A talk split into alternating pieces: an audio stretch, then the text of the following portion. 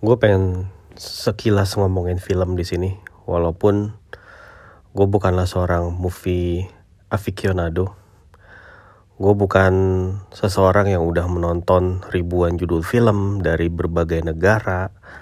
Gue juga bukan seseorang yang udah menamatkan ratusan serial ratusan sinetron dan lain-lain. Ribuan film pendek mungkin. Nggak gue keberminatan terhadap film itu nggak yang sampai mendominasi hidup gitu. Film itu buat gue sebetulnya hiburan, lebih ke hiburan semata. Jarang ya gue nonton film kayak untuk mencari inspirasi uh, sebagai media edukasi dan segala macam nyari-nyari pesan moral. Ya, tapi uh, biar biarpun begitu ada beberapa film yang gue tuh cukup terkesan. Terus ada juga beberapa film yang gue sampai apal dialognya, gue sampai apal plotnya dari awal sampai akhir, scene-nya gitu kayak bakalan kayak apa.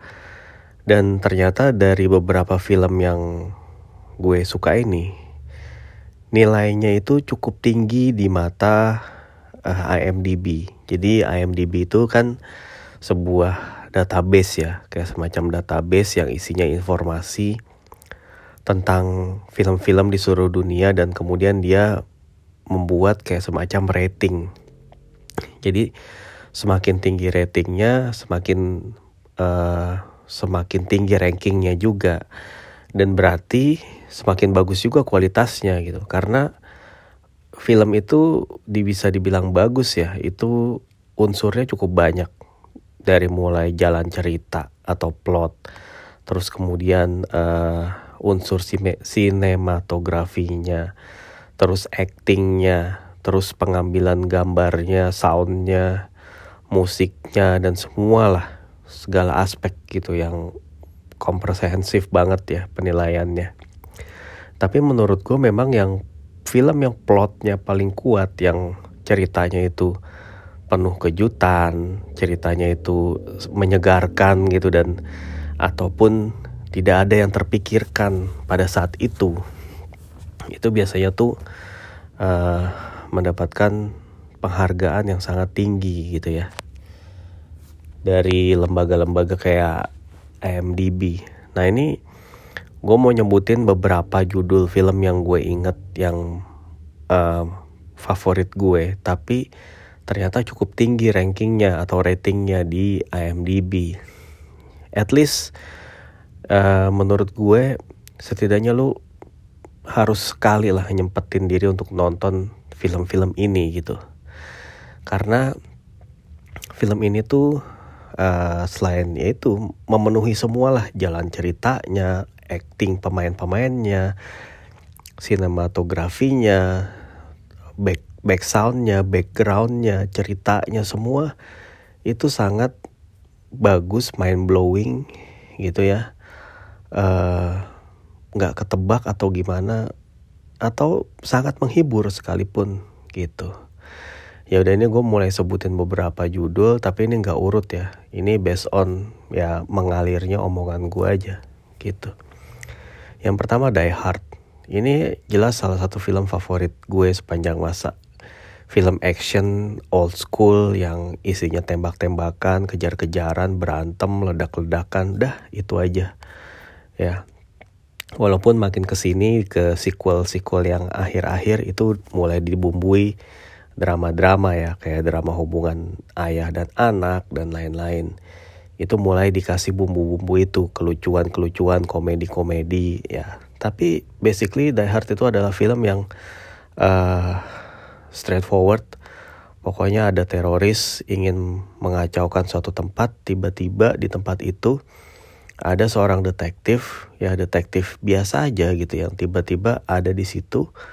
Lalu kemudian dia menyelamatkan uh, menyelamatkan tempat itu dari kekacauan single handedly pokoknya kayak gitulah. Premis yang dibangun seperti itu.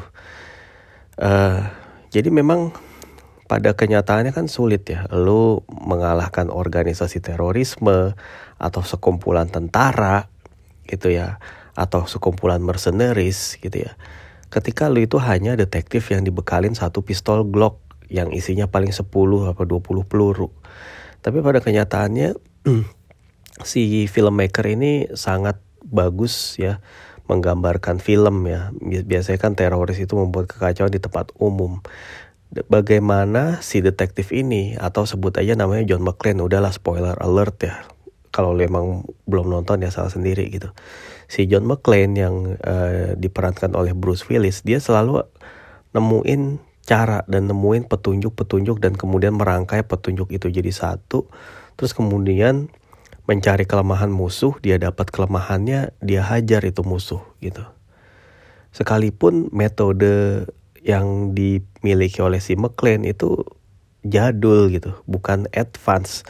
Sementara penjahat-penjahatnya itu lebih advance, lebih punya senjata yang canggih, pasukannya tuh banyak, lebih jago berantem, fisikal lebih uh, kuat gitu ya. Secara teknologi juga jauh sih McLean itu kan orang tua gaptek ya si penjahat-penjahatnya tuh bisa seorang hacker gitu kelasnya yang bisa dengan sekejap dia main-mainin ekonomi negara, bursa saham dan segala macam. Ya tapi John McClane dengan determinasinya, dengan akalnya, dengan kemampuannya untuk menghubungkan titik demi titik gitu. Itu akhirnya dia bisa menghentikan semua kejahatan gitu yang ada di depan matanya gitu. Kenapa gue bilang di depan matanya? Karena John McClane ini pada dasarnya dia bukanlah seorang superhero ya. Superhero yang nyari-nyari, mau mana nih penjahat gue matiin. Mana nih penjahat paling punya kekuatan kuat, dia matiin. Ini lebih kepada ya John McClane ini lagi menjalani hari-hari yang biasa. Tiba-tiba uh, di hadapannya gitu ya atau di dekatnya itu terjadi peristiwa teror gitu. Ya mau nggak mau ya karena dia berkelindan atau karena dia itu berhubungan langsung dengan teror itu ya udah hajar aja gitu. Dia nggak nyari nyari dia nggak pergi ke belahan dunia mana untuk menghentikan kejahatan dia juga nggak jadi mercenaries untuk uh, kepentingan kekayaan diri dan segala macam. Dia nggak bekerja untuk komisi gitu ya. Not he is not working for commission gitu. He he doesn't work for commission. Ya pokoknya dia uh, disamperin bahaya terus diatasin udah gitu. Sesimpel itu filmnya. Tapi ya gue suka. Ini film nggak pakai banyak CGI nggak pakai banyak adegan-adegan bela diri yang advance teknik-teknik bertarung atau teknik-teknik senjata yang wah banget gitu. Enggak just old school like a cowboy. McLean dengan nyalinya yang gede dengan gayanya rada-rada cowboy dengan uh, approachnya rada-rada beda dibandingin detektif lain ya udah bisa aja gitu dengan karakternya itu. Makanya ini inilah yang membuatnya menarik ya. Dan McLean itu juga sangat ini ya seperti ya kita ngelihat kayak manusia biasa aja. He's not a superhero gitu. Dia bisa kayak kakinya kena beling lah terus uh, mukanya tuh bengep kena tonjok terus tak kakinya kena tembak. Wah pokoknya jagoan yang juga sering menghadapi kepayahan gitu loh. Bukan jagoan yang kayak misalnya ya yang rambutnya rapi terus kayak Steven Seagal gitu. Enggak banget. Ya gitulah John McClane gitu dengan stylenya yang khas. Lalu kemudian uh, film yang gue sukai tapi kemudian punya ranking tinggi itu adalah uh, Interstellar. Interstellar ini mungkin adalah tipikal film yang sangat science ya. Karena banyak sekali diajarin teori-teori dasar fisika ya, terutama yang berhubungan dengan antariksa gitu ya. Karena kan emang tema film ini kan adanya kekurangan pangan di bumi yang membuat manusia itu nyoba nyari solusi dengan uh, mencoba menemukan planet lain yang bisa dihuni oleh penduduk bumi gitu. Dan di situ di tengah-tengah film itu kita belajar sebagian tentang teori relativitasnya Albert Einstein ya ya tentang kecepatan cahaya dan lain-lain itu somehow bikin gue uh, jadi tahu oh ternyata bintang yang kita lihat di atas itu itu adalah bintang pada jutaan tahun lalu yang cahayanya tuh baru nyampe ke ke bumi baru nyampe ke mata kita gitu bahwa cahaya itu punya kecepatan tidak yang blink uh, at the blink of the eye gitu nggak dia datang seperti itu.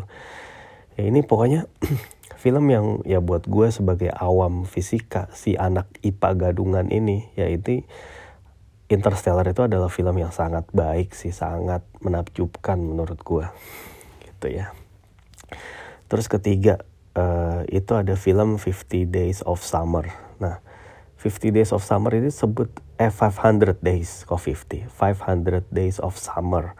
Jadi summer itu nama cewek ya. 500 hari itu menggambarkan 500 hari seorang cowok yang namanya Tom uh, berhubungan dengan si Summer. Ya dia dengan segala usahanya ya mencoba mendapatkan perhatian Summer sekaligus sambil ngarep ya bahwa Summer itu ngerasain hal yang sama dan kemudian ya ya berharap menemukan cinta sejati pada si Summer ini. Tapi ternyata Summer itu punya pikiran yang completely different lah intinya. Gitu. Jadi si Tom menganggap apa si Summer ngang, ternyata nganggapnya bagaimana gitu. Pokoknya end up-nya tuh fakta banget ya. Tapi ini bisa jadi kisah bucin kisah love story yang paling fakta tapi uh, ya gimana ya? Emang mungkin realitanya seperti itu dan karena sosok Summer itu emang sosok yang sangat unik ya menarik atraktif dan segala macam. Itu kayak oh oke okay, ya yeah, just because you are Summer gitu ya udahlah gitulah. Walaupun in the end ya tetap ya as a logical a logical creator we a man gitu sebagai laki-laki yang pikirannya selalu logis ya udah. Pada akhirnya move on dan akhirnya menemukan yang baru yang namanya autumn dan ternyata autumn lebih cakep dari summer. Gitulah. Kayak gitu ya.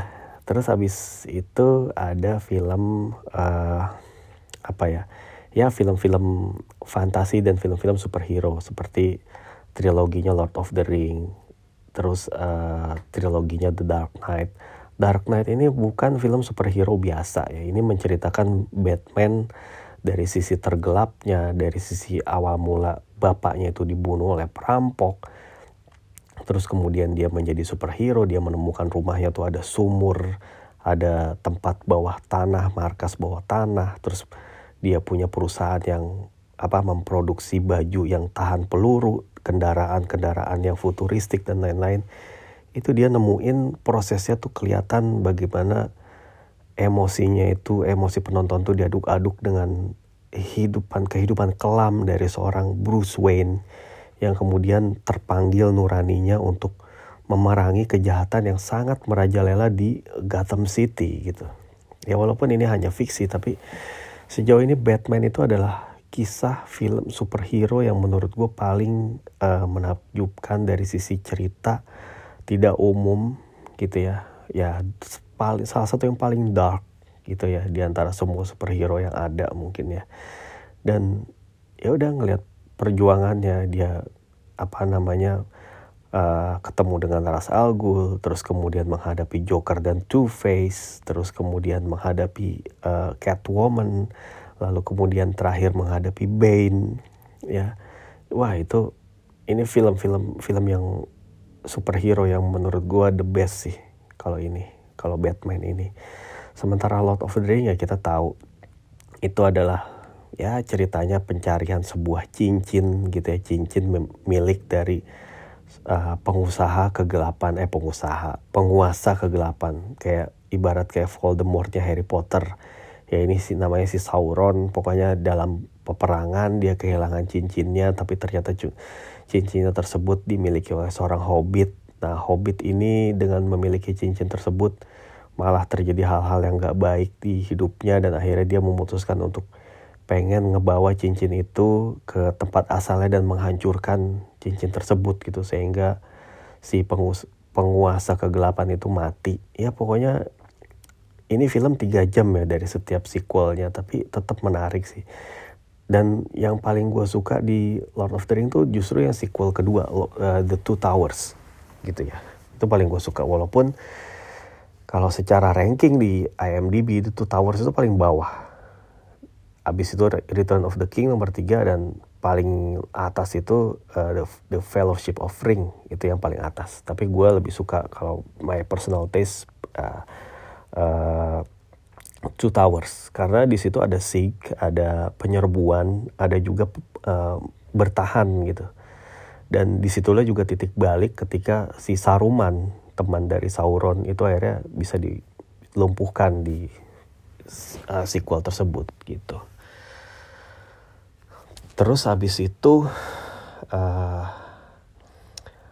ada film yang sangat-sangat mengharukan ya. Judulnya The Freedom Writers. Freedom Writers ini uh, didasari oleh kisah nyata sebetulnya. Yang mana ada sebuah wilayah di Amerika ya itu terkenal dengan kemiskinannya. Tempat para uh, orang-orang negro gitu ya. Terus orang-orang Asia, orang-orang Latin ya, orang-orang minoritas lah ya yang bahkan jarang orang kulit putihnya di situ itu daerah kacau banget penuh dengan uh, insiden rasialisme terus perang antar geng terus narkoba lah perdagangan senjata dan lain-lain itu membuat masa depan dari anak-anak yang tumbuh di lingkungan itu itu paling ya nggak jelas lah begitu mereka lulus mereka akan jadi gangster mereka mungkin akan terbunuh di usia 20 tahun gitu karena perang gangster gitu.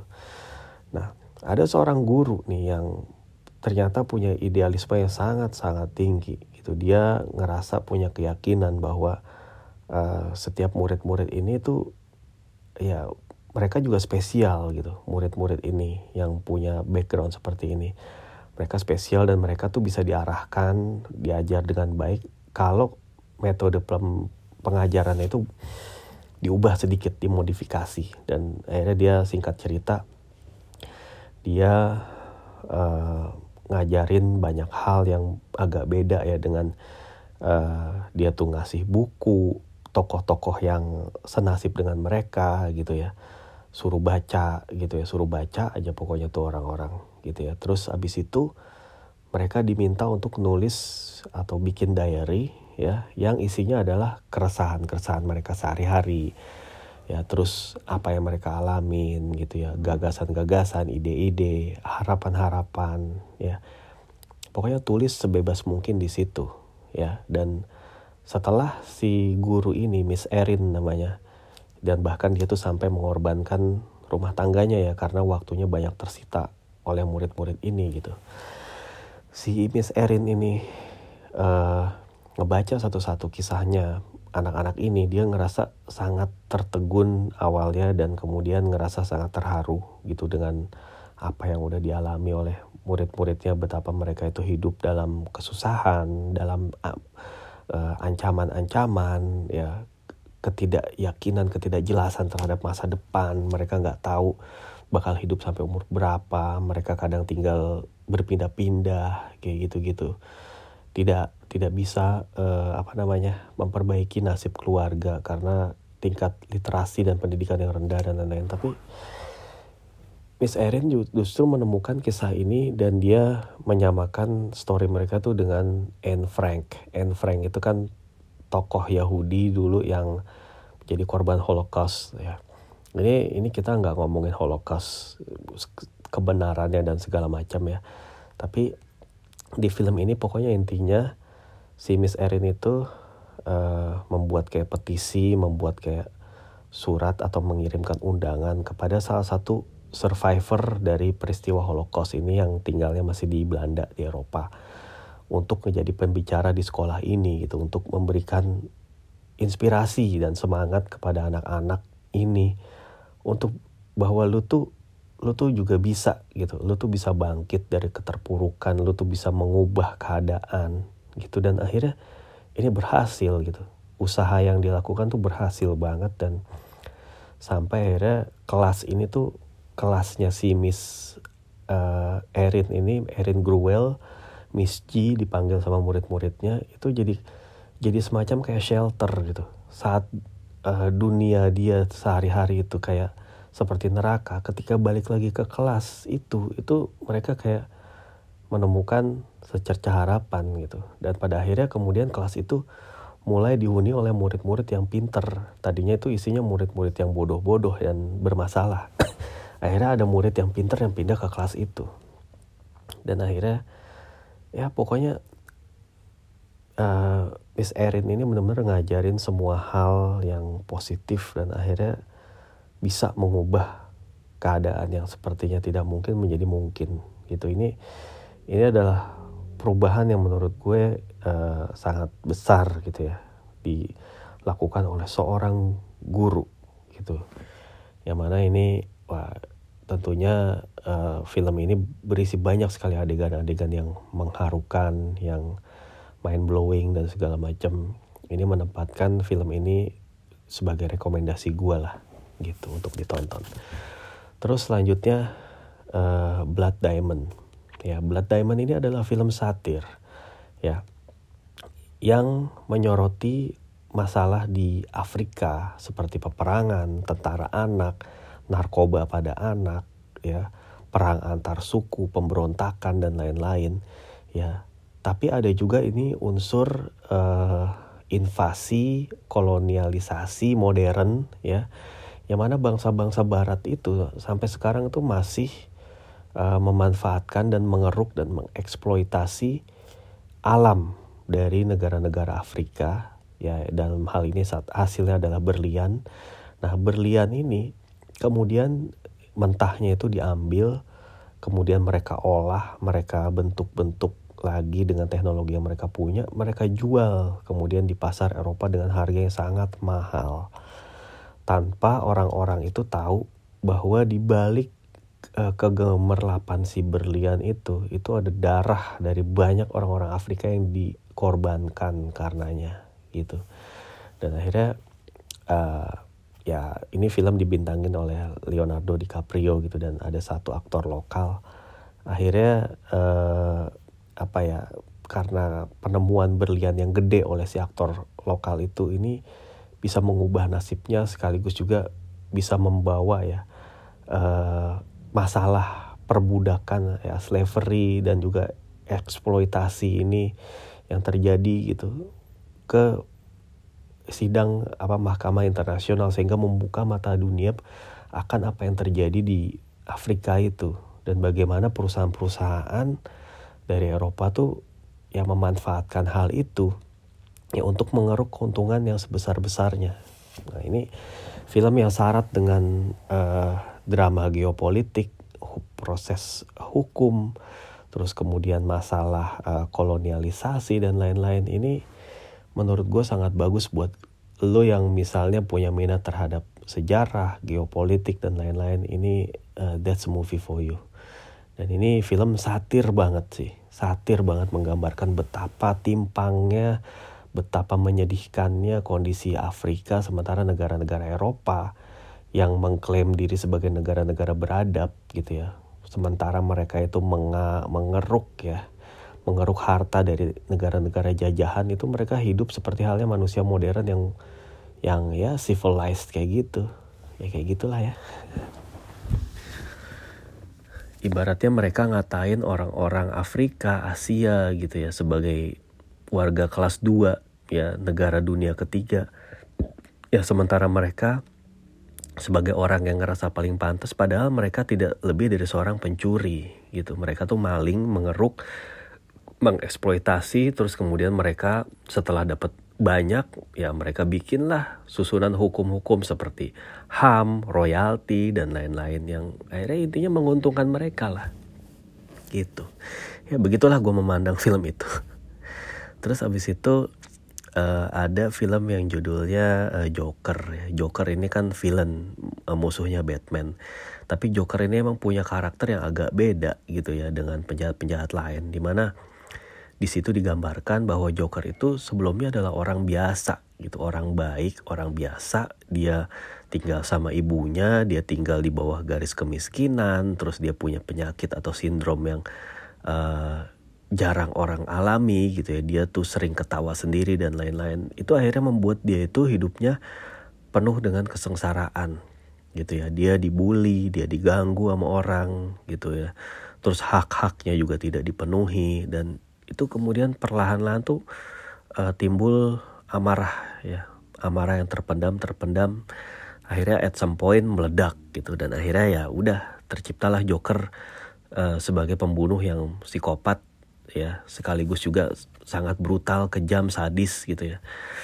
Padahal Joker ini bukan seorang pembunuh yang atau penjahat yang punya ilmu bela diri yang jago, punya senjata yang macam-macam, punya pasukan yang banyak ya. Tapi pada akhirnya apa yang dilakukan Joker itu kayak organik gitu. Dia jadi penjahat, dia itu terus kemudian uh, apa namanya membunuh orang-orang yang uh, pernah menyakiti dia.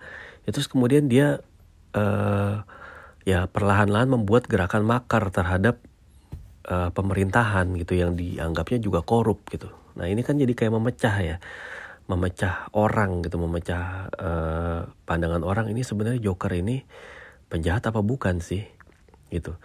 Malah ada gagasan-gagasan atau ide-ide segala macam yang bilang oh pada dasarnya penjahat itu adalah orang baik yang tersakiti. Hmm, gak semudah itu dan gak sesimpel itu sih gitu. Jadi ya gue rasa emang orang-orang yang uh, punya nalar yang tidak cukup gue rasa jangan nonton film ini gitu karena bisa salah tangkap salah per persepsi. Selanjutnya itu Fight Club. Fight Club ini sebenarnya film lama tahun 2000-an awal apa 90-an akhir gitu. Ya tapi gue baru menontonnya itu baru-baru ini. Sebelumnya dulu gue pernah nonton tapi gue nggak gitu paham sebetulnya karena ini film termasuk tergolong berat nih film ya. Dan keputusan gue untuk tidak terlalu uh, memaknai atau menseriusi film itu sekitar 20 tahunan lalu itu ternyata tepat. Karena kalau film Fight Club ini dikonsumsi oleh anak yang usia masih 20 tahun yang baru mulai masuk ke dunia kerja atau kuliah gitu. Lalu ketika nonton film Fight Club yang pada dasarnya isinya adalah tentang frustrasi dan rasa depresi orang-orang yang kalah, orang-orang yang kesel dengan bosnya, orang-orang yang kesel dengan kehidupannya, yang terlilit utang gitu ya. Ingin kayak meriset gitu tatanan dunia tapi ya dengan cara ya yang tidak benar gitu.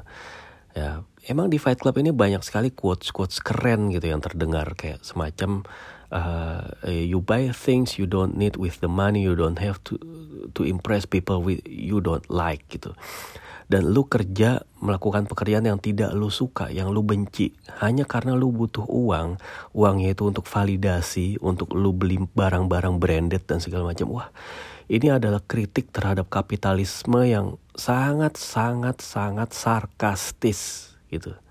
Dan digambarkan oleh uh, sutradara David Fincher ini dengan brilian sih menurut gue dengan menempatkan si uh, Tyler Durden itu sebagai uh, narator gitu di mana wah itu kemudian terjadi plot twist di tengah-tengah film. Wah ini gila sih. Ini memang Fight Club ini film yang gila banget ya. Tapi ya sekali lagi seperti halnya nonton Joker nonton Fight Club itu juga lu bener-bener butuh selain butuh penalaran ya lu juga butuh kedewasaan sih kalau nonton ini ya. Lu lihat aja di realita lah jangan dikit-dikit anti kapitalisme anti konsumerisme anti ini anti itu anti neolib ah lah. Udahlah. Ya realitanya gimana aja coy gitu. Terus nah ini mungkin terakhir lah satu lagi yang emang film yang dianggap best all time ya Shawshank Redemption Ya ini sebenarnya ceritanya sangat-sangat unik, menarik gitu dan menjadi inspirasi dari banyak uh, film. Bahkan ada satu serial yang yang menurut gue tuh uh, ini ngikutin dari Shawshank ini yaitu Prison Break gitu. Shawshank Redemption ini kan pada dasarnya cerita tentang seorang akuntan atau seorang ya banker lah gitu ya, yang sukses, yang pinter gitu. Nah, tapi dia mendapatkan kemalangan ya berupa istrinya itu selingkuh sama uh, pemain golf gitu ya sama pegolf gitu. Atau teman golfnya atau apalah gitu. Terus kemudian istrinya dan selingkuhannya itu mati. Dan ternyata segala bukti itu mengarah kepadanya gitu bahwa dia itu emang yang ngebunuh dua orang itu. Ya memang polisi hakim pada saat itu melihat dia punya motif ya sebagai suami yang sakit hati. Padahal dia nggak pernah ngerasa ngebunuh gitu. Padahal itu bukan dia gitu. Bukan dia yang ngebunuh sebenarnya. Mungkin ada orang lain tapi intinya dia akhirnya uh, diputuskan bersalah dan akhirnya harus seumur hidup di penjara. Menghabiskan sisa waktu hidupnya di penjara. Tapi ya ternyata uh, ya gue juga baca ulasan beberapa bahwa si tokoh utama yaitu Andy Dufresne. Andy Dufresne ini ada seorang stoik. Ya dia uh, tahu dia dalam kemalangan gitu tapi dia milih untuk fokus pada hal-hal yang bisa dia lakukan yang bisa dia kontrol ketimbang tidak. Jadi perlahan-lahan dia uh, establishing his name di penjara dia menghadapi masalah demi masalah. Ya tadinya orang nggak ada yang suka sama dia tapi akhirnya dengan kepintarannya dia dengan determinasi kemampuan negosiasi tutur katanya yang sangat-sangat runtut terstruktur gitu ya rapi gitu. Akhirnya dia bisa meyakinkan banyak orang gitu. Dan akhirnya menjadi favorit dari para penjaga dari kepala sipir dari napi lainnya gitu. Ya tapi akhirnya dia emang punya agenda sendiri si Andy ini. Dia nggak mau pasrah. Dia juga ngelihat ada keburukan-keburukan yang terjadi di lingkungan uh, petugas dan sipir. Akhirnya dia pelan-pelan dia bongkar akhirnya dia kabur dari penjara dengan cara yang sangat mind blowing wah ya terus akhirnya dia bawa apa punya uang dan segala macam. Wah ini luar biasa sih ini cerita. Gitu. Jadi emang Shawshank Redemption ini oleh beberapa website bahkan emang dinobatkan sebagai film terbaik gitu. Makanya itu gue nggak heran ya. Dan emang pantas banget ngedapetin itu predikat itu ya paling another movie yang uh, bisa jadi apa honorable mention itu Highwayman. Itu tentang cerita legendaris tentang pengejaran uh, penjahat Bonnie and Clyde. Itu juga penjahat legendaris di Amerika di era awal abad ke-20 gitu ya. Terus ada lagi film seperti uh, apa lagi ya? Kok gue ngeblank lupa? Um, ya Braveheart gitu. Braveheart itu kan emang ceritanya tentang perjuangan seorang William Wallace gitu ya menghadapi ketidaksewenangan uh, Raja Inggris gitu ya. Itu itu film yang sangat patriotik yang sangat bagus banget sih itu uh, Braveheart itu. Terus uh, apalagi ya film-film seperti um, ya ini untuk sementara itu sih yang gue gua pikirin yang terlintas di kepala gue ya dan karena ini episode juga udah kepanjangan nih gue kelarin aja mungkin lain kali kita bahas film lagi gitu ya dari sisi yang lebih subjektif dari gue. Ah, ya udahlah ini aja dulu ya. Bye bye